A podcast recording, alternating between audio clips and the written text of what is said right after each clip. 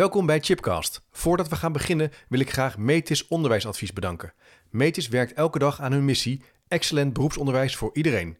Kijk voor tal van inspiratie, praktijkvoorbeelden en praktische tools voor docenten en onderwijsleiders in het beroepsonderwijs op www.metis-onderwijsadvies.nl. Welkom bij Chipcast. Leuk dat je luistert naar een nieuwe aflevering. Chipcast is een wekelijkse podcast over onderwijs. Alles over didactiek, pedagogiek, leren, samenwerken, innoveren, onderzoek, onderwijskundig leiderschap en soms ook filosofie. En vandaag de gast in de studio, Suzanne van Noorden. Suzanne is auteur van diverse boeken over schrijf- en taalonderwijs in het basisonderwijs en begeleidt scholen die hun schrijfonderwijs willen verbeteren. En ze houdt ook een blog bij over schrijfonderwijs. Iedereen kan leren schrijven.nl. Hoi Suzanne, leuk dat je er bent. Hoi. Naast jou Femke, Femke Kools. Femke is bovenschools taal plus klascoördinator, betrokken bij acht Tielse VVE-scholen van drie besturen. En ze traint teams op het gebied van taal en lezen en houdt zich momenteel veel bezig met de kwaliteitsverbetering van het schrijfonderwijs.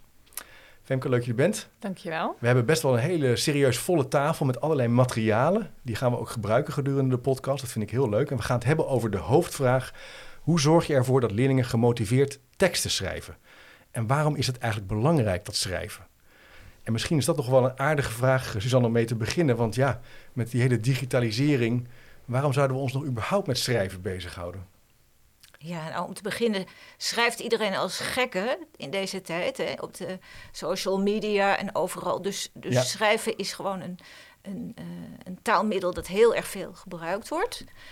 Maar het is ook een vorm van heel actief taalgebruik. Dus het is, eh, het is iets anders dan een tekst tot je nemen of alleen maar luisteren. Het, je moet erbij nadenken over wat je nou precies bedoelt en hoe je dat het beste formuleert. Dus, dus het is een hele actief taalgebruikvorm. En daarom is het heel erg belangrijk. En het is ook een vorm van taal die je gebruikt bij denken. Dus schrijven ondersteunt denken. Mooi. Dus als je, veel, als je goed wil nadenken over iets, dan moet je eens proberen om, eh, om op te schrijven wat je bedoelt. En dan, dan ga je er veel beter over nadenken. Oh, dat herken ik ook wel. Dus het schrijven op zichzelf is een belangrijke activiteit, Femke, om het denken eigenlijk ook eh, sterker te maken en ook te zorgen dat je dingen beter onthoudt misschien. Ja, zeker. Ja? En, ehm, ehm, en het structureren van je gedachten Ja. ehm, is heel erg belangrijk met Ja. leerlingen te doen. Is dat iets wat we van nature kunnen structureren? Of moeten, we, moeten leerlingen, kinderen dat leren? Eh, dat moet je wel leren, ja. Ja, ja. dus dat is belangrijk Ja. om te leren. Zeker. Ja, Ja. Kijk. En daar, eh, ja, daar biedt Suzanne's boek heel erg veel eh, aanknopingspunten voor. Dus daar kunnen wij in de praktijk in ieder geval heel erg veel mee. ja. Want jij komt heel veel in de praktijk. Je werkt ontzettend veel in de praktijk. Ja, Suzanne natuurlijk ook, maar Suzanne schrijft ook veel. Dus we zijn samen nu in deze podcast. Suzanne schreef ook het boek samen met Petra de Lind. Wat een goede tekst. Gids voor schrijven in tien genres voor het basisonderwijs. En dat triggerde mij wel genres. Wat, wat, wat, want dat is niet iets wat, je, wat ik heel vaak hoor als woord om het over schrijven te hebben. Wat, wat bedoelen we daarmee met genres? Ja, want bij genre denk je misschien aan filmgenres of literaire Ja, genres of zo. Een roman Ja. of een detective of een eh, sprookje of zo. Maar dat, dat is in dit geval een beetje anders. Want met genres bedoelen we hier eigenlijk ehm, ja, meer taalkundig gezien... dat je verschillende soorten teksten hebt... En die verschillen van elkaar doordat ze een ander doel hebben. En doordat ze thuis horen in een bepaalde context. Dus in een situatie, bijvoorbeeld in een wetenschappelijke situatie. Of in een eh, juist helemaal niet wetenschappelijke, maar heel alledaagse situatie. En dat ehm, teksten die in dat genre vallen, die hebben vaak vergelijkbare patronen en taalkenmerken. Oh ja. En als je dat weet, dan, kan je, eh, dan, dan weet je dus beter eh, waar je tekst, hoe je je tekst eh, moet schrijven of hoe je een tekst kunt herkennen als een bepaald genre. Dus voorbeelden zijn bijvoorbeeld een vertelling. Daarbij vertel je eh, over iets dat jou overkomen is. Dus het gaat over je eigen ervaringen. Maar een genre is ook een instructie, bijvoorbeeld procedure. Van hoe doe je iets? Ja. Of een verslag van hoe heb je iets gedaan? Eh, Ja. Bijvoorbeeld een onderzoek ge- gedaan. Of hoe, heb je, hoe, hoe ging een excursie precies? Dat is dan een verslag.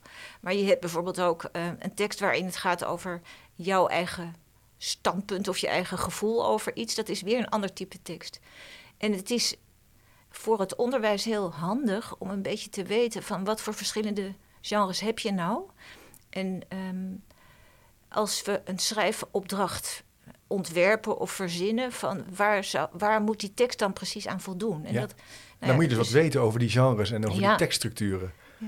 Dat de belangrijke meeste- kennis. Ja, en de meeste mensen die weten dat, eh, die weten het wel als ze al geoefende taalgebruikers zijn.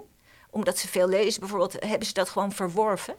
Maar dat is vaak impliciet, die kennis. Dus dat is dan kennis die je denkt, ja, dat weet iedereen toch wel. Maar ja, beginners, zoals kinderen, Die weten school. het niet. Nee. ja, die, weten dat, die weten dat niet. En voor leerkrachten is het soms lastig om die impliciete kennis, om die dan expliciet te maken. Dus Ja. om je te realiseren van, hé, hey, een verhaal, dat, dat heeft toch andere criteria moet dat voldoen dan bijvoorbeeld een feitelijke informatieve tekst. Ja. Terwijl dat heel belangrijk is om dat expliciet aan kinderen duidelijk te maken wat dat verschil is. Dus in al die genres zitten allerlei kennis. Dus allerlei verhalen worden daarin verteld. En die, die kennis wil je ook aan kinderen meegeven. Nou, dat schrijven helpt daarbij. Wat mij wel opvalt, eh, we zitten nu een beetje eind van het jaar. En er is heel veel dit jaar ook te doen geweest over eh, de slechtere resultaten. Als het gaat over PISA. Nou, er zijn allerlei andere onderzoeken. Maar ik hoor eigenlijk heel weinig over schrijven. Ik hoor het incidenteel wel. Er zijn een aantal vakgenoten. Nou, jullie zijn er heel actief mee. En ik hoor het op andere plekken ook wel. Herken je dat? Dat het toch niet zo vaak erover gaat? Nou ja, er zijn ehm, te veel prioriteiten misschien. gewoon te veel misschien. Want eh, in 2021 is er ook een eh, rapport, een peiling schrijfonderwijs gedaan, eh, een rapport uitgekomen en dat het daarbij ook heel slecht staat. Mm. Ehm, en ik denk dat, ehm, kijk, lezen doen we toch wel. over het algemeen op de basisschool, maar schrijven niet zomaar. Ja, handschrift. Hè? We, we schrijven natuurlijk om de letters te oefenen en de vormen te leren kennen, maar het doelgericht schrijven, wat vroeger stellen heette, ehm, waarin je schrijft over kennis, of naar aanleiding van boeken die je leest of teksten die je leest, dat wordt, ehm, ja, het is toch een ondergeschoven kindje op Ja. veel scholen.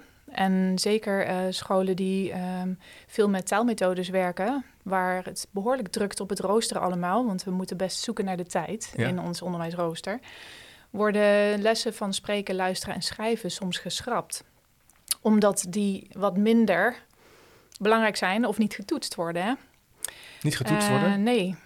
nee, de CITO gaat over Nee. leesbegrip. En dat is een vrij kale manier van vragen, ehm, wat daar wordt gevraagd.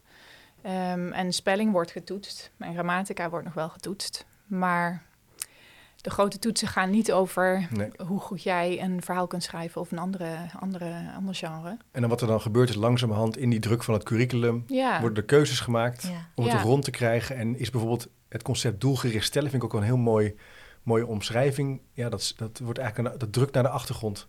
Ja, en dat is op zich, ehm, als je tijdnood hebt en je volgt een taalmethode, is dat, is dat niet eens zo raar. Omdat ik heb dat zelf ook meegemaakt, dat ik denk, ja, dit, dit, dit, dit, eh, slaat helemaal nergens op deze schrijfopdracht nu. Want het is helemaal niet betekenisvol voor de leerlingen. Nee, Alleen de kunst is dan om niet dat schrijfdoel los te laten.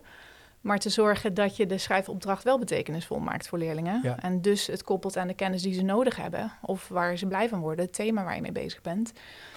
En dan kun je juist, en dat, dat bewijst Suzanne's boek volgens mij ook, je kunt juist door lezen en schrijven en, en de kennisvakken te combineren, tijd winnen op het rooster. En aan honderd doelen tegelijk werken, bij wijze van Ja. spreken. dus koppel het, eh, Suzanne, aan de zaakvak en aan de inhoud die je wilt overbrengen. Dat is een manier om al, daar kan je al een grote stap mee, mee zetten als school. een hele grote stap en een, een essentiële stap, vind Essentieel. ik. Ja, ik vind dat je in goed schrijfonderwijs sowieso bij inhoud moet beginnen. Dat is misschien met lezen ook zo, maar met schrijven zeker ook zo. En er is gewoon heel lang gedacht, oh, schrijven, dat is een soort vaardigheid die je kunt aanleren. En waar dat dan over gaat, is niet zo erg belangrijk. Het moet een beetje leuk zijn of zo voor kinderen. En dus zo is het vaak ook in taalmethodes terechtgekomen. Ja, Maar dat is een soort misvatting, want die vaardigheid die betekent, zonder inhoud betekent die helemaal niets. Dus je kunt eigenlijk alleen maar goed schrijven over iets waar je genoeg van af weet. Of waar je interesse in hebt, maar gewoon waar je genoeg van af weet. Want probeer het maar eens om het te schrijven over een onderwerp waar je niks van weet. Dat, dat gaat je niet lukken. Vandaar dat er ook vaak eh, dan wordt gegrepen naar de fantasieverhaaltjes. Want dan, dan, hoef je, dan kan je alles uit je duim zuigen oh ja, verzinnen. ja, schrijf maar wat op. Doe maar. En dat is gewoon voor, voor sommige kinderen heel leuk. Dat zijn meestal kinderen die veel lezen en die houden van, Ja. eh, van fantasieverhalen. Ik deed het vroeger wel, verhaaltjes schrijven. Ja. Dat vond ik heel Er leuk. zijn, Maar ja. Ja. nou, dan was jij zo'n kind. misschien. Maar er zijn ook heel veel kinderen die daar helemaal van in paniek schieten. Omdat ze denken, Ja, dan moet ja, ik ja. origineel zijn of grappig, wat moet ik dan doen? Dus dat is gewoon heel moeilijk. Maar zeg je dan ook eh, dat als je dus weinig weet over een thema, dat je er ook heel moeilijk over kan schrijven? Ja, dat, Ja, ja, ja. dat is gewoon zo.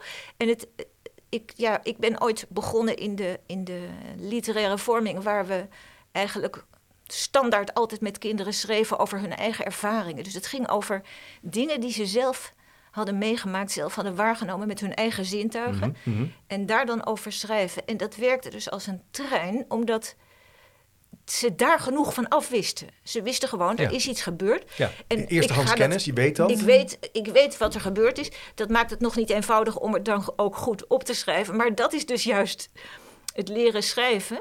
Maar dat, het probleem van dat je niet weet waarover is er dan niet. Want je weet zelf wat, er, wat je meegemaakt hebt. Mhm. En dat zou eigenlijk voor al het schrijfonderwijs moeten. En dus behalve, ja, je kunt over ervaringen schrijven, maar je kan ook schrijven over dingen die kinderen net geleerd hebben Ja. bij, bij geschiedenis of bij natuur en techniek. Ja, Femke pakt nu een hele mooie grote plaat. En als je nu aan het kijken bent, dan zie je het waarschijnlijk in het scherm. En als je nu luistert, zou ik zeker je even aanraden om naar Chipcast te gaan. En dat, daar staat de plaat genre vertelling. Ja. Daar moet je denk ik aan denken nu, nu Suzanne wat vertelt. Misschien Ja. kan je me eens toelichten? Ehm, nou, het genre vertelling is, ehm, want we hadden het ook ehm, in de leidraad ook over dat hoe, hoe maak je nou een eerste stap? Hoe, Ja. is nou, hoe ga je nou aan de slag met schrijven? En het genre vertelling, omdat het zo dicht bij het kind eh, ligt, is een hele makkelijke manier om met kinderen te gaan schrijven. En het, het woord vertelling zegt het al, dat je eerst gaat vertellen wat je ervaring is. Ja. En eh, ik werk met, een, eh, eh, met de doelgroep eh, eh, NT2-leerlingen, dus die Mhm. Nederlands niet als eerste taal hebben. En, maar zij hebben wel allemaal dezelfde soort ervaringen thuis. Dus hier zie je bijvoorbeeld dat ik binnen het thema uitvindingen heb ik het een keer eh, gehad over apparaten in huis. Dus welk Ja. apparaat heb je thuis wel eens gebruikt? Ja. Ehm, en eh, dit was in groep 4. En nou, dit meisje die vertelt over hoe ze haar moeder geholpen heeft met de wasmachine. Oh ja, ja, dat zien we hier in beeld. nee. ja, Eh, ja, dus, dus een tekening van een wasmachine. Ja. En daar, vervolgens gaan ze daar ja, wat over op papier zetten. Ja, maar dat doen we wel volgens een hele goede structuur, die ik dus ook in het boek van eh, Suzanne dan kan teruglezen. En eh, het gaat altijd ehm, eh, gepaard met spreken. Dus eerst vertellen we aan elkaar, klassikaal, we vertellen uit, vanuit onze, hè, de leraar vertelt zelf een verhaal, om op, op stof te komen, om op gesprek te komen. Want Ja. zelfs al heb je genoeg ervaring over het werken met apparaten in huis, hoe ga je dat dan verwoorden? Ja. Ehm, dus doordat kinderen met jou en met elkaar eh, spreken, het maken ze het verhaal al en spreken Ja. ze de woorden al uit. Je verleidt ze eigenlijk om te gaan vertellen wat ze hebben. Wat zien ze dan als ze naar die wasmachine kijken? Ja, Ze gaan en, erover ehm, praten. En langzamerhand wordt dat dus rijker en groter. Ja, en ook niet te groot. Niet Dus te groot. Ja, daarom de biedt, eh, structuur van Suzanne is dan daarom fijn. bieden we ook, eh, hè, biedt Suzanne ook eh, duidelijk van je moet een keuze maken uit al die criteria die belangrijk zijn om tot een goede tekst te komen. Ehm, zodat je kinderen ook niet in het wilde weg maar alles laat schrijven, want dan kom je nog niet tot een goede tekst. Maar dat is wel een belangrijk punt. Een Achilleshiel, denk ik, wat ik wel vaak zie als ik lesobservaties doe of in scholen ben. Van nou, schrijf, ja, ga maar, schrijf maar even op wat je hebt meegemaakt. Of eh, een zelfontdekkende opdracht over je hamster of over eh, uitvindingen. Waarin eigenlijk het schrijven dus niet begeleid wordt. ja. En of te niet- snel. Of te snel, Ja, te dus veel een- verantwoordelijkheid. Een van de grootste problemen is dat schrijfopdrachten te snel worden Te snel, gegeven. Ja, en dat, dat is in alle soorten onderwijs is dat het geval. Dus alsof je alleen maar even de opdracht nodig hebt en een kort voorbeeldje en dat je dan hop, ga je gang het met een blaadje. Ja, maar ja. Bij, ja, ik ben snel. er eigenlijk meer voor om, daar, om dat heel gefaseerd op te bouwen en om van tevoren eh, altijd heel veel te praten over het onderwerp. Dus die, de, de werkwijze van de taalronde, die in, in mijn boek heel als een soort basisvorm eigenlijk heel centraal Mhm. staat.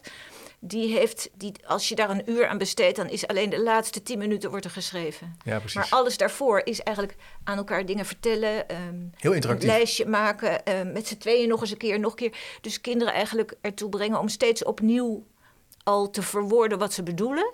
En dan pas te gaan schrijven. En wat er dan gebeurt, is dat alle kinderen als ze gek aan het schrijven gaan. Ze hoeven helemaal niet meer na te denken. Ze, gaan met, ze weten het al, omdat ze er zoveel over verteld hebben. En dat geldt ook, als je, dat geldt ook voor, voor kennisonderwerpen. Daar moet je ook eerst over praten. En dit, zeg je dan ook, dit, dit kan je eigenlijk helemaal doortrekken tot aan het VO, tot aan het MBO. Dit kan je eh, bij wijze van spreken in elke fase waarin een leerling zit, student zit, zo die opbouw toepassen? Ehm, ik denk in het algemeen wel. Je Ja. moet natuurlijk het ga- de onderwerpen veranderen misschien en je kan dingen toevoegen. Of, maar het idee dat je gefaseerd eh, je schrijfles opbouwt en dat je veel aandacht besteedt aan oriëntatie op een onderwerp en ook mondeling daarover uitwisselen. En misschien vast iets opschrijven of wat aantekeningen maken of een lijstje maken Ja. of een schemaatje maken of zoiets. Voordat je daadwerkelijk begint met die tekst. Ja, Ja, dat is in alle schooltypen. Ja, we maken ook de koppeling ook. ehm, kijk, bij het genre vertelling is het, gaat het over de eigen ervaringen. Dus dan is het heel erg delen wat je hebt meegemaakt. Ja. ehm, en dat goed leren beschrijven. Dus we geven kinderen ook veel taalsteun. En ehm, hier heb ik dan een PowerPoint met alle apparaten in huis. Want veel van mijn leerlingen hè, die kunnen dan wel uitleggen... ik ging koken op dat ding. Ja. En Dat nou ding, ja, ja. wij zijn heel alert op als kinderen ding zeggen. Want dan gaan we doorvragen, wat bedoel je precies? En dit helpt dan heel erg dat op het bord het woord staat, gasfornuis. Of heb je misschien een kookplaat? Ja, ik heb een kookplaat. Zeg het nog eens. Ja, ik ging koken op de kookplaat. Ja, ja, ja. Dus op die manier werken we ook echt aan mondelinge taalvaardigheid. Ehm, maar het genre verhaal bijvoorbeeld, ehm, dat is dus weer geschikt om eh, ook naar teksten te kijken die al bestaan. Dus ik heb ehm, binnen het thema eh, dinosaurussen ehm, vroeg een, leer, een van mijn leraren waarmee ik samenwerk, zei, ik wil zo graag een keer, want ze heeft al veel taalrondes gedaan met genre vertelling, ik wil graag een keer genre verhaal eh, eh, pakken. Ja. Ik weet eigenlijk niet zo goed hoe ik het moet doen. Zei, nou, dan ga ik eens een les voorbereiden en dan kom ik die samen met jou geven. Ehm, en toen heb ik gewoon gegoogeld. En ik dacht, ja, ik wil ook verhalen over dinosaurussen. Waar zal ik het in godsnaam, hè, waar moet ik dat vandaan halen? En toen kwam ik op een site, Julians Verhalen. En die eh, man of jongen, ik, ik weet eigenlijk niks over hem. Die, eh, die eh, ehm, gaat dus op basis van kindertips, schrijft hij verhalen op aanvraag. Ja, ja, ja. En toen had hij een dinosaurus als huisdier, als verhaal. Nou, in, in, in het genre vertelling heb je dus een belangrijke indeling van oriëntatie, complicatie, oplossing. Ja. Staat allemaal in haar en Suzanne's boek. Dat herkende ik heel goed In, In wat Julian zijn- op de website in had zijn verhaal. Ja. Dus op het moment, eh, dus ik heb zijn verhaal als kapstok gepakt en voorgelezen. En telkens als we een, deel hadden gehad met de kinderen en in tweetallen laten bespreken, wat hoor je hier nou in? Het is ook een hele Ehm, mooie opzet, want hier linksboven op die grote plaat zien we dus het eh, lesidee en de structuur. En eh, hier aan de rechterkant zie je eigenlijk de opbouw en de, het lesontwerp. Eh, nou ja, hier Toch? zie je, ja, je ziet hier dat ik probeer gebruik te maken. Want ik kom dus in heel veel verschillende klassen. En ik werk met heel veel leraren samen. En die willen graag binnen die thema's die ze behandelen dingen doen. Ja. Ze werken ook allemaal met woordmuren. Dus ik check ook altijd welke woorden zijn er besproken. En Mhm. probeer dat dus weer in de schrijfopdracht te verwerken.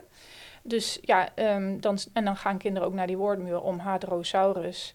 Mijn huisdier was een Hadrosaurus op te schrijven. Want ze willen dat. En ze kiezen ook de moeilijkste. Ui, ik kan Euplocephalus. Tja. Eh, die willen ze per se goed kunnen schrijven, want daar gaan ze iets mee meemaken. Nou, en vervolgens is het nog steeds dat je, eh, dat je heel veel spreekt met de kinderen. Alleen bij het verhaal gaat het ook over dat je dus aanleert dat een eh, tekst die structuur ook echt heeft. En dat het, dat het probleem ook altijd weer leidt tot een oplossing. En vervolgens, en daar geeft Suzanne in haar boek ook heel veel hulp voor, voor leerkrachten, is dat je met structuurschema's kunt werken. Omdat die gedachten die kinderen hebben, kunnen nog alle kanten uitvliegen. En een zo'n verhaal dat heel erg aanspreekt, kan soms juist de veroorzaker zijn dat ze Ja. een enorme fantasieput opentrekken Ja. en het alle kanten uitgaat. Waardoor er geen lijn meer nee, komt. precies. Dus structureren. Je, eigenlijk Ja. bied je wat, een kapstok aan, een structuur aan om dat verhaal goed op te bouwen. Ja, dat, dat is in ieder geval één manier van het genreverhaal benaderen. Want wat ook weer iets anders zou kunnen zijn, hoe eh, maak je een verhaal spannend? Dus er wordt vaak een opdracht gegeven van schrijf een spannend verhaal over dit of dat. Maar wat is dat spannend? Ja, dat en vind hoe, ik ook altijd zo gek. hoe doe je dat dan? Hoe dat maak je dat dan spannend? Ja, dus dat, is is best moeilijk. Om dat te kunnen, eh, ja, te kunnen, moet je eigenlijk voorbeelden zien van een spannend stukje verhaal. Van hoe komt het nou dat dit spannend is? En Ja. dat heeft vaak te maken bijvoorbeeld met het vertragen van het verteltempo. Niet meteen alles verraaien, wat kinderen vaak doen. Die, die zeggen gewoon eh, de tien spannende dingen achter elkaar. Elke zin is weer iets nieuws Ja, ja, ja, spannend. ja, ja, ja. Maar ja, dat werkt dan niet. Je moet, Hij- eigenlijk dus, je moet dus eigenlijk die tekststructuur snappen. Dus je moet kennis hebben ook over dat genre zelf, voordat je er Eh, ook een ja, beetje precies. En dat geldt eigenlijk voor alle genres. Nou, ik vind genre, het genreverhaal is een van de moeilijkste Ja, genres hoor. Ja, dat, Terwijl het gek genoeg nu eh, het meest geschreven wordt in het basisonderwijs. Omdat men denkt, verhaaltjes, dat vinden kinderen leuk. Maar om dat echt goed te kunnen, dat is, dat is eigenlijk heel erg moeilijk. Ja, je zou misschien eerder denken dat het stellend schrijven, eh, dat, je, dat dat misschien meer haalbaar is als je het meer koppelt aan kennis? Ja, nou, dat is dus een andere vorm van schrijven. Maar, en vertellend schrijven is ook weer anders. Dus die vertellingen die hebben Ja. meer te maken met wat je doet in het café. Als je met een vriend vertelt wat er gisteren nou weer gebeurde. Dus dat zit heel dicht bij, bij Ja. wat mensen dagelijks aan, eh, met elkaar doen. Maar feitelijke teksten schrijven, die, hebben, die zijn ook weer heel erg afhankelijk van structuur. Dus die hebben weer een andere soort van structuur. Bijvoorbeeld ehm, dat je een feitelijke beschrijving, dat je eerst een inleiding moet schrijven en niet boem beginnen met het eerste deelonderwerp. Maar je moet eerst een inleiding. Maar wat is dat dan, een inleiding? Dat is ook niet zo eenvoudig. Daar moet je eigenlijk ook voorbeelden van zien. En die zijn dan vaak ingedeeld in eh, verschillende paragraafjes, met al dan niet Ja. met, een, met een kopje. Ja. En soms zit er dan nog een soort afsluitend iets, maar dat hoeft niet per se. Dus voor ieder genre heb je weer andere kenmerken. Ja. En nou, dat boek wat Petra de Lint en ik geschreven hebben over die genres, dat is eigenlijk bedoeld als een soort gids voor leerkrachten om snel even te kunnen weten van wat, is, wat voor soort tekst wil ik nu schrijven, wat zijn daar belangrijke kenmerken, hoe kan ik daar iets uitpakken om deze keer met mijn groep vier of zes of acht of twee aan te gaan werken. Want het bleek dat leerkrachten dat lastig vonden om zelf te bedenken. Dus ze hadden wel een soort notie van dat een verhaal iets anders is dan informatieve tekst. Maar hoe je dat dan ehm, omzet naar een schrijfles voor jouw kinderen, en waar ze op dat moment Ja, zijn met schrijven. Ja. En hoe je ook Maar- kan zien dat er een soort doorgaande lijn in zit. Ja. Dat, je, dat ze steeds beter worden in informatief schrijven of in verhalend schrijven of in waarderend schrijven. Daarvoor heb je best veel kennis nodig. Ja, je hebt, dus ze, ze misten ook eigenlijk de, de kennis om dat goed... in ieder geval de explicitering van de kennis die ze vaak wel ergens hebben als volwassenen eh, die veel teksten gezien hebben. Ja. Maar die explicitering die is nodig om het aan kinderen te kunnen overdragen. Die, die nog niet die kennis hebben. Mhm. En je ziet overigens dat dus kinderen die veel lezen, die hebben ook al een beetje impliciete kennis opgebouwd door dat vele lezen. Die schrijven vaak ook beter. Maar ook voor hun is het belangrijk om dat beter te kunnen ehm, eh, zien of zo. Wat dan de kenmerken van een, van een tekst precies zijn. Dus die, die kennis, daarvan dachten we van ja, dat moet. Dat- is, dat is handig als, dat, als je dat kunt opzoeken ergens. Want mijn, andere boek, Iedereen kan leren schrijven, dat Ja, gaat dat meer over didactiek. Ja. En dit gaat dus meer over tekstkennis. Ja. Ja, is, dat, is dat iets wat we een beetje zijn vergeten de afgelopen jaren? Die tekstkennis? Als het gaat over Bij de, in, bij het, de in het leraar? primair onderwijs, ja, bij de leraren. Bij de, nou, volgens mij wordt daar gewoon niet in les gegeven. Niet op in de opleidingen niet, maar ook niet. Ze hebben dus ook in hun eigen vooropleidingen, basisschool en voortgezet onderwijs, daar ook maar heel weinig. Het enige wat Het ze altijd weten is een betoog. Ja, betoog, ja. Ze weten altijd een betoog. Herken je dat? Dat, dat, ja, dat nou, en gewoon- er is ook verwarring. Ehm, veel leraren die eh, wel wat aan schrijven willen doen, die ehm, vinden het vooral belangrijk bijvoorbeeld dat de kinderen een brief leren schrijven. Ja. Maar dat is een tekstsoort. Ja. Dus je kunt een brief schrijven op een vertellende manier. En vertellen wat je allemaal voor Sinterklaas hebt gekregen. En dat schrijf je dan naar je oma. Ehm, maar ja, je kunt ook een hele ehm, beschrijvende brief schrijven als je helemaal wil uitleggen hoe je nieuwste computer eh, werkt aan je vriendje die net, zo'n, net zo van gamen houdt.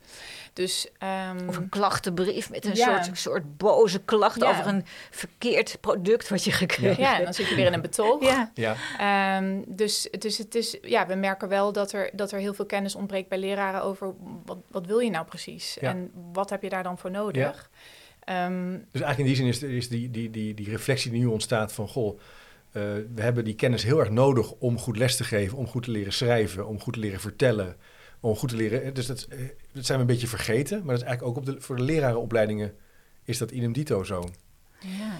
Ja, ik, ik, dat, ik durf geen uitspraak over te doen, omdat ik niet goed eh, het curriculum van de leraaropleidingen weet. Wel weet ik dat er eh, grote verschillen zijn eh, op de pabo's. Ehm, eh, en wat ik, waar ik wel heel blij van word, is dat er steeds meer aandacht is voor lezen. Ja. Ehm, en, dat, en ons pleidooi is dat je dat dus koppelt aan schrijven. Want Ja. ik ben er wel van overtuigd dat je beter grip krijgt op teksten als je ook ehm, er wat mee doet op papier, omdat het je denken helpt, het denken over de tekst. Ehm, en dan zijn er dus geen invuloefeningen van hoeveel eh, verwijswoorden zie je in, in, in alinea 3. Maar, eh, maar echt denkvragen over en samen met, Ja, over de tekst spreken en ja, dan daar ook iets schrijven. Ja, Want Dat is heel interessant wat jullie eigenlijk al vertellen. Dat je dus in zo'n uur of drie kwartier een heel groot gedeelte bezig bent met praten, Ja. uitwisselen. En op het eind pas schrijven. En je ziet toch soms dat, dat, dat leerlingen toch ja, een beetje van oefening naar oefening hobbelen. Ja. En eigenlijk niet meer actief bezig zijn met tekst. Vraag die ik nog wel heb hierover. Ja, ik heb een laptop voor mijn neus. Hè? Dus, en dit zie je toch ook steeds vaker op scholen. Hè? Tablets, laptops, schrijven door eh, ja, typen. Hè?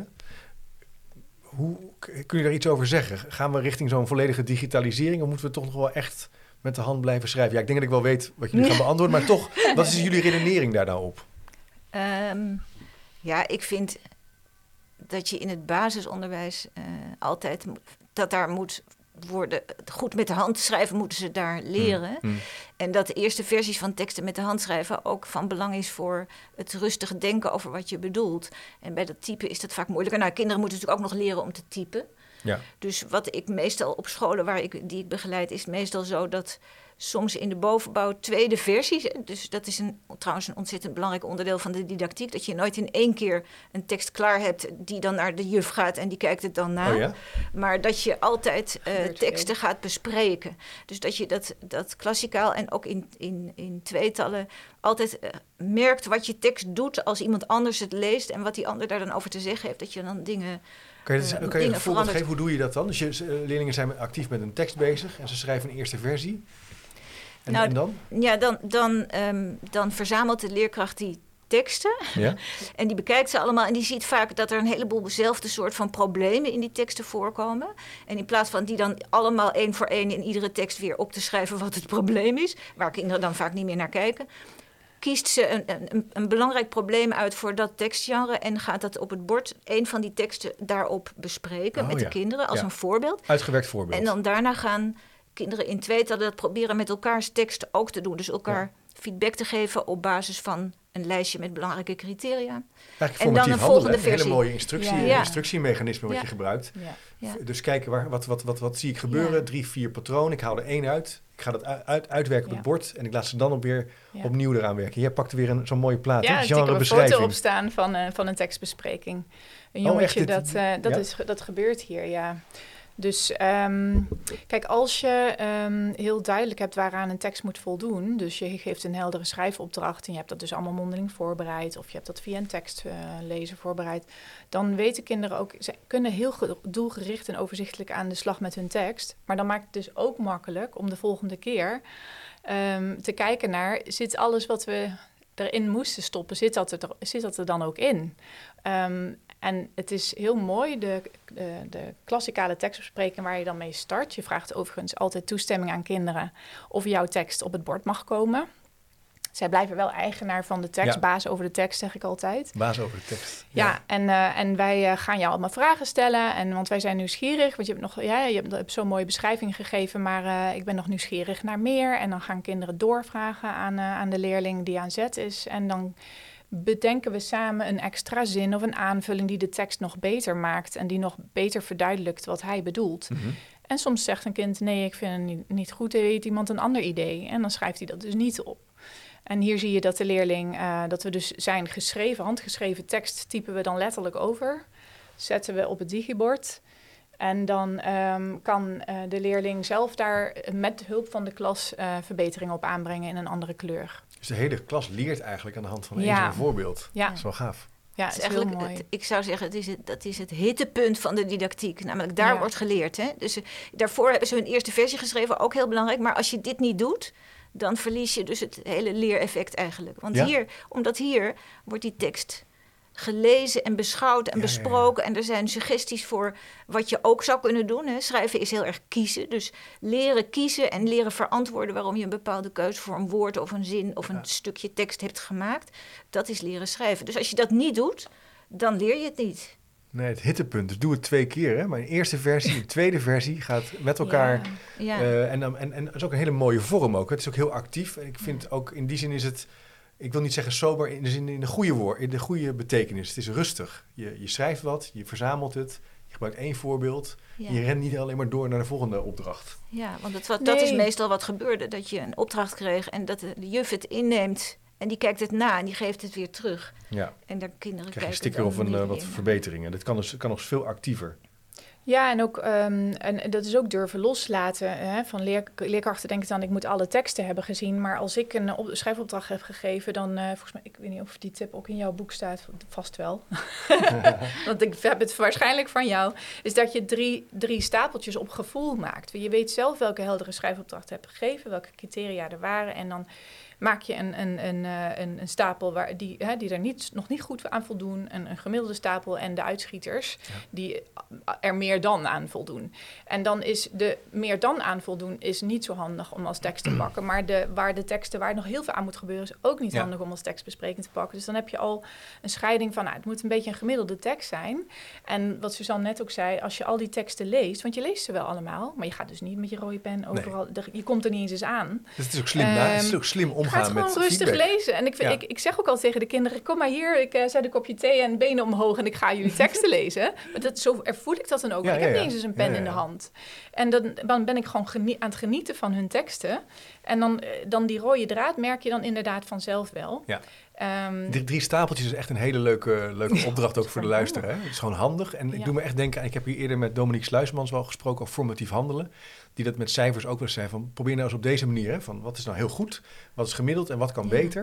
En dan zie je eigenlijk al heel veel. ja. En dat is heel, eigenlijk heel slim, Maar heel actief ook hè? Ja, en, en speciaal voor schrijven is het eigenlijk de enige manier. Want schrijven is ingewikkeld te beoordelen. Je hebt heel vaak teksten die in een bepaald opzicht zwak zijn, maar in een ander opzicht weer heel sterk zijn, bijvoorbeeld. Hè? Dus het is Ja, ja. soms heel moeilijk. Het is niet zoals met rekenen dat je hebt van is het goed of fout. Nee. Het is, eh, Het, is, het is meervoudig. ja, dus het is gewoon heel goed om eh, een beetje vrij ermee om te gaan en zelf te bedenken, ja, maar we hadden dit Hmm. dit als eis gesteld of als succescriteria gesteld. Laat ik het daar even op bekijken. Maar laat ik ook benoemen wat er, wat er Ja. heel erg goed aan zo'n Ja. tekst is. Ja, ja, ja, Dus- positief. En niet, want het is misschien Ja. ook, je kan het zo complex gaan vinden dat je het misschien gaat vermijden.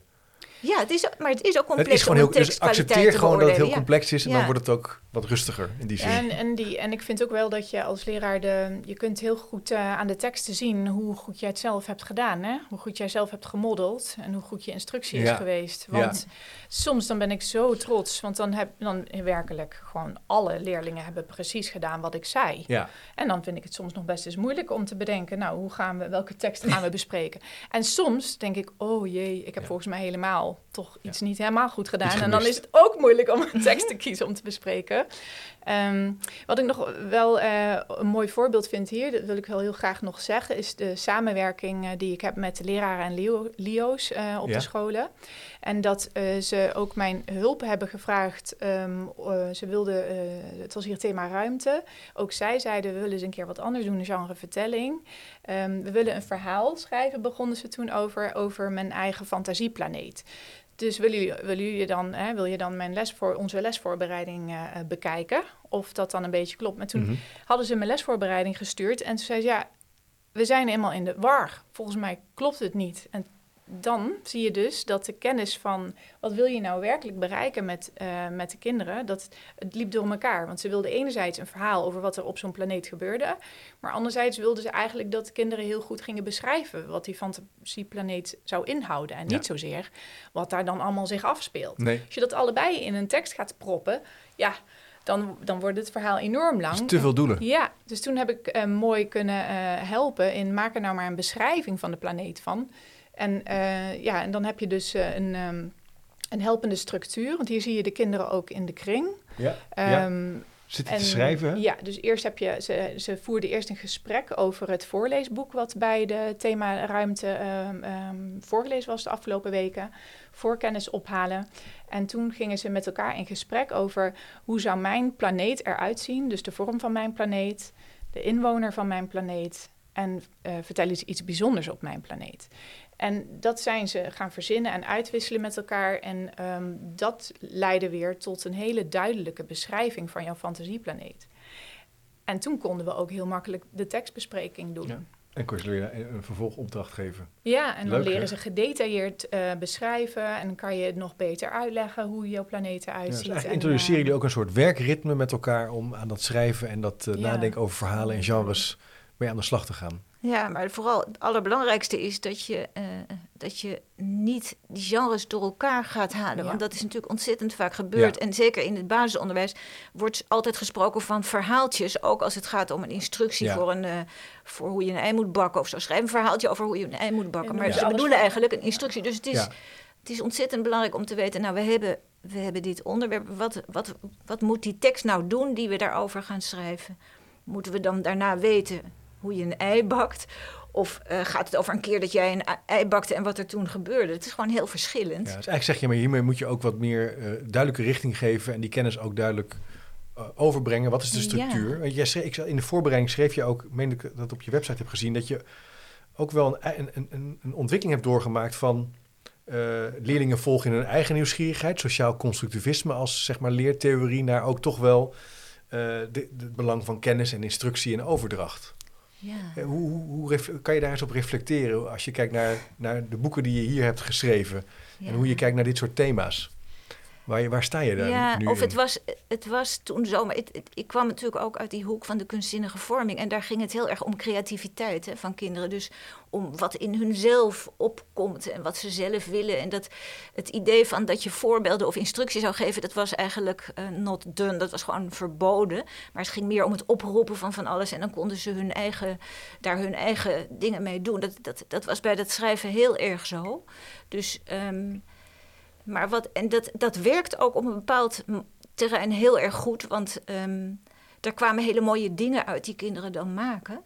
Maar als je bedenkt van, maar wat, is, wat moeten kinderen nou op de basisschool leren qua schrijfvaardigheid? Van, ze moeten natuurlijk ook worden voorbereid op het vervolgonderwijs en op de maatschappij, wat voor schrijfvaardigheid ze later nodig zullen hebben. En daarvan had ik het idee, daar, daar, daar werk je dan niet aan. Dus hoe kan je dat dan wel doen? Toen ben ik daar toch wel best wel heel lang mee bezig geweest om daar dat uit te vogelen. maar toen, toen is toch wel gebleken dat je, dat je dan wel voorbeelden nodig hebt. En dat je dan wel instructie nodig hebt. En dat je dan wel oefenen nodig hebt. Ja. En dat was eigenlijk in die kunstzinnige benadering zat dat niet. Nee. Want dat was. En, en als je nou, me nou dan vraagt. je zo mooi zijn, ja. Ja, en maar als je me nou vraagt van welke benadering is de beste, dan zou ik zeggen dat je dat moet, dat je van allebei de beste dingen zou moeten gebruiken. Want je hebt een of het ander.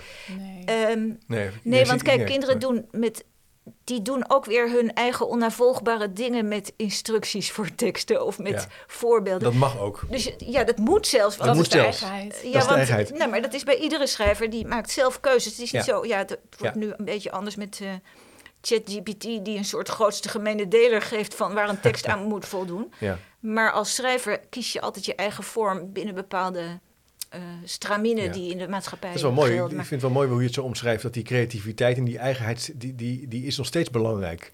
Maar ja, en het kan en en. Um, ja. Uh, leraren vinden het soms, als ik hier mee aan de slag ga, vinden leraren het soms lastig om in te grijpen. Hebben ze het gevoel dat ze het kind afwijzen op het moment dat ze commentaar, hè, feedback geven op een tekst.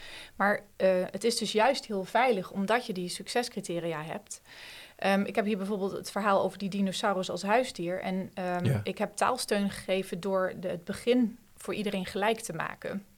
Dus ieder, ieders tekst begint in woorden die niet van hen zijn, niet van de kinderen. En dat noem je taalsteun? Nou ja, ja. Um, soms is het uh, bij een groep of een kind of een groepje kinderen nodig om uh, iets meer te geven, zoals een bepaalde beginzin van uh, of een inleiding die nog moeilijk te schrijven is. Als je die geeft, komen kinderen vanzelf op verhaal en kunnen ze dus daarna hun eigenheid toevoegen. Dus je ziet in deze groep heeft iedereen uh, heeft over uh, een dinosaurus als huisdier geschreven.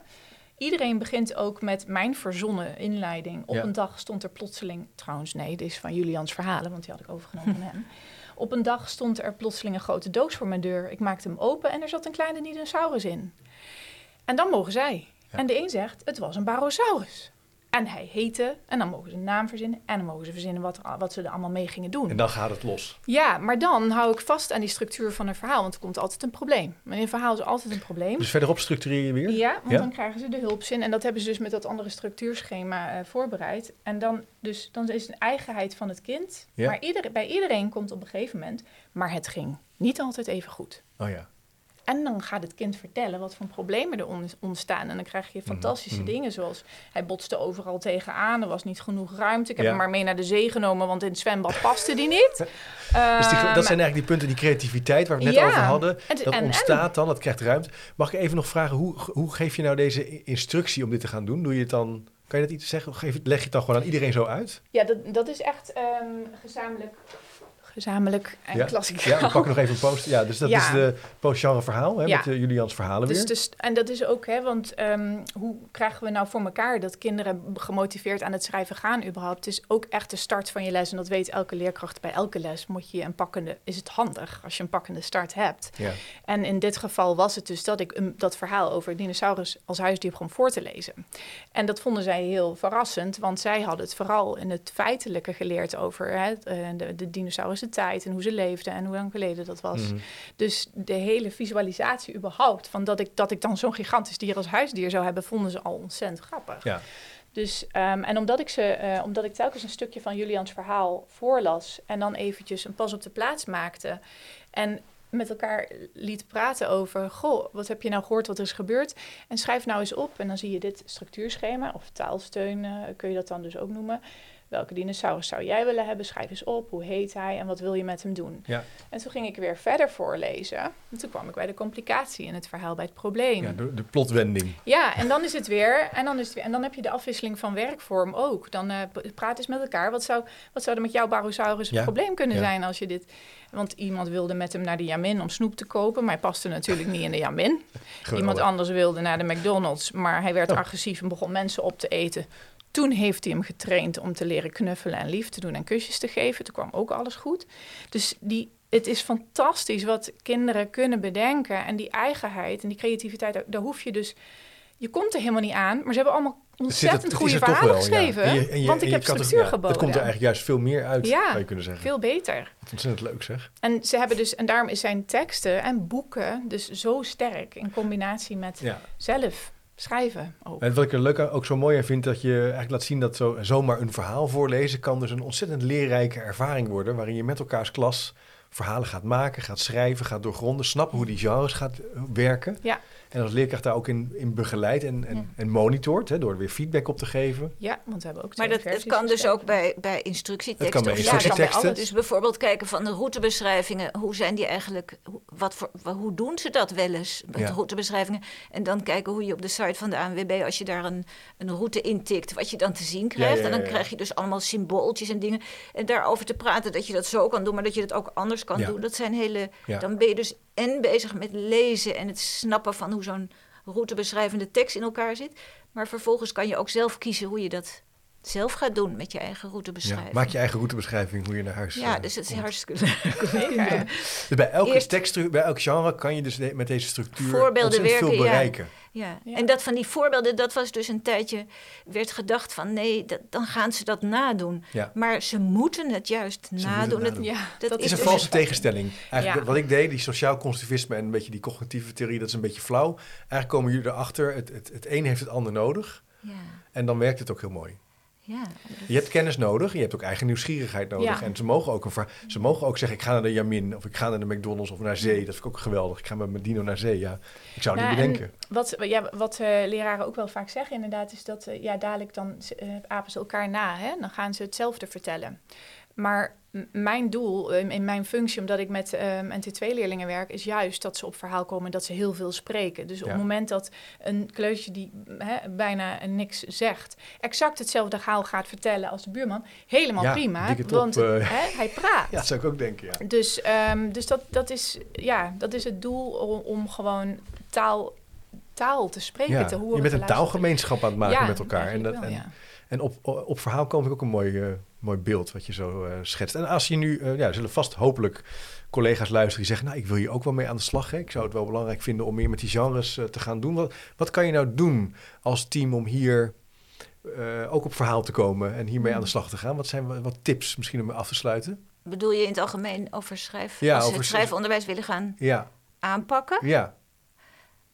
Eh, je boek lezen? Denk Ja, dat, hè? oké, nou lees, ja, lees erover, ga ik erover in zou, gesprek. zeggen, ik zou zeggen, dus je moet eerst de, ehm, werken aan het natuurlijke schrijven. Dus de schrijfdrempel omlaag proberen te krijgen door kinderen te laten vertellen over dingen die ze hebben meegemaakt, daarover te schrijven en dat met elkaar delen. Dat is een soort basis die je in alle leeftijdsgroepen kan doen. En dan denk ik, ehm, vervolgens moet je met tekstbesprekingen gaan werken. Dus dat je eerste versies met elkaar eh, bespreekt van... hey, snappen we dit? En zo niet, hoe zou het dan begrijpelijker kunnen maken? Dat is een hele simpele vorm van tekstbespreking.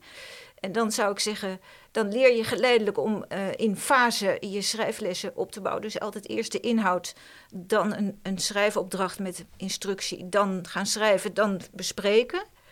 Ehm, en dan denk ik heel belangrijk is bij de, voor de docenten, voor de leraren, om genoeg eh, kennis van die genres op te bouwen. Ja. Hopelijk met behulp van ons boek.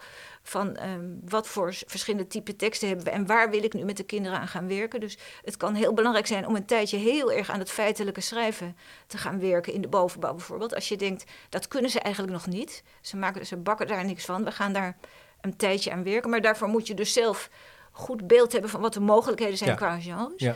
En ik zou zeggen, eh, om koppelen met, eh, met de zaakvakken waar je mee bezig bent, dat, dat ligt zo ontzettend voor de hand. En het Ja. is zo tijdsbesparend. Want bij, de, bij geschiedenis, aardeskunde, natuur wordt al heel veel geschreven, maar dat wordt dan vaak niet gezien als schrijfonderwijs, maar als zaakvakonderwijs. Ja, dat is terwijl gek. Daar, moet, daar is het te vinden, hè? Terwijl in de, in de kans, ja, terwijl Ja. het een, enorme kans geeft als je dat ook serieus neemt als schrijfonderwijs en je koppelt daar de juiste schrijfdidactiek aan. Dan is het win-win, want dan, dan werk je ook beter aan de kennisopbouw en Ja. je werkt ook beter aan de schrijfvaardigheid. Dus Maar kennis- die dingen zijn gescheiden Nee, dat gehouden. is, ja, en wat je knipt moet je weer plakken, dus dat is heel onhandig. Je moet Ja, het gewoon weer bij elkaar brengen. ja. Maar wat, wat een mooie tips. Ik denk dat als je dit, hiermee kan je echt, mee, kan je echt verder. Dus dat is wel heel, heel aardig. Misschien dat jij nog... Femke, heb jij nog een toevoeging? Ja, een oproep aan directeuren. Ja, Om, altijd eh, goed. Altijd goed. Wat moeten die managers doen? Ehm, ja, eh, tijd vrijmaken voor samen lessen voorbereiden. Ja, Want ja, ehm, ja, dat is echt wel een heel belangrijk een punt. van mijn eh, scholen, daar, daar ben ik flink met de genres mee aan de slag. En dan, eh, hè, dan doen we altijd een stukje theorie-herhaling. Dus als ik twee uur met een team bezig ben, dan heb ik een half uurtje herhaling of nieuwe theorie. Maar dan hebben we anderhalf uur lesvoorbereiding met Ja, elkaar. zie je. Dat is zo En ik zorg ervoor dat dat gebeurt. maar dat is dus met medewerking van, van de MT's met, met, hè, ja, mee die, heb, die steun heb je ook dan, hè? Ja, en, maar, en het is ook heel mooi, want ehm, ik werk dan ook met die teams mee en ik ga ook meehelpen die les voorbereiden. En, en, en we moesten ook, eh, oh ja, ik heb ook tegen het MT gezegd, als je echt wil dat ze goede lessen geven, dan wil ik graag dat je een Suzanne's boek voor iedereen koopt. Want we hebben er niet zoveel aan dat één exemplaar in de orthotheek staat. Nee. Als je gewoon lekker een les voorbereidt. Dus nou, die directeur heeft ook gezegd, vind ik ook. Dus iedereen kreeg aan de start van, eh, van mijn herhalingstraining, die Suzanne overigens eerst gegeven had, en dan doe ik een opfriscursus, eh, hebben ze een boek cadeau gekregen. En nou ja, we gingen ook dus anderhalf uur met boek in de hand aan Oh, de slag. samen lezen, hè, is ook Ja. belangrijk. En toen Die hebben we ook wordt- de, ja, sorry, de Ja, kennis, ja, ehm, het thema hebben we dus, de kennis hebben we gepakt. We willen de kennis eh, overdragen. En hoe kunnen we dat met teksten doen? En dan kom je dus ook in een mooie discussie over, is het genre beschrijving geschikt om hier nu mee aan de slag te gaan met het geschiedenisonderwerp? Of, Ja. of toch, toch richting een betoog? En dan, nou ja, dan krijg je super gesprekken Ja. tussen Dus je leraren. moet echt met elkaar gaan lezen. Hè? Want dat, die fout wordt, wilde ik nog even, Ja. even in de reden. Oh, Want ja. die wordt vaak gemaakt. Iemand leest een boek en dan wordt het samengevat of er wordt een artikel over gelezen. Maar je moet ook die motivatie, je moet het lezen om het ook te snappen. Dus je moet met Ja. elkaar ook samen lezen. Ja. En wat voor onderwijstype je ook hebt, als je niet met elkaar samen lessen voorbereidt en nabespreekt. Ja, dan, dan, dat, dat, dat gaat niet werken. Dat is gewoon Nee. eigenlijk een hele logische basis. eh, waar, maar dat vraagt wel tijd hè, voor het curriculum. Dus andere, andere podcast. Maar het is wel mooi om te horen dat ehm, jullie daar echt op inzetten. Ja, en Ja. ook Dat, eh, dat ik dus eh, dat ik wel zeg van nou, mogen ze, mag, mag het team dan deze maand eventjes de taalmethode loslaten. Zodat wij ruimte op het rooster creëren om ze aan schrijfopdrachten te werken. Ja, De, de- de- ook dat, hè. Je moet het wel ergens vandaan halen. Ja, het moet ergens vandaan komen. Superleuk om hier met jullie in gesprek over te gaan. Suzanne Femke, hartelijk dank voor jullie tijd. Ehm, ja, ik denk dat we nog wel een, eh, een tijdje door kunnen gaan. Maar dat we toch wel redelijk hè, eh, succesvol zijn geweest in de, om de hoofdvraag te beantwoorden. Hoe zorg je ervoor dat leerlingen gemotiveerd tekst te schrijven? Ja. Denken in genres, denken in structuur, klein beginnen. Bij de inhoud beginnen. Bij de inhoud beginnen, bij de kennis beginnen. Eh, mocht je nou nog denken, hey, ik wil meer informatie ontvangen, kijk dan even uh, op Chipcast naar de speaker notes. Daar vind je ook de foto's van de platen en de tekeningen en illustraties die uh, we ook besproken hebben in de podcast. Ik vind het heel leuk als je ook de tijd wil nemen om een review te schrijven over dit gesprek. Hoe eerlijk, hoe beter. Dat helpt dan weer voor de zichtbaarheid van het kanaal. En je kan ook de boeken bestellen via chipcast.nl. Dan uh, heb je ze heel snel uit. Wat mij moet je dat gewoon doen. Tot de volgende keer maar weer.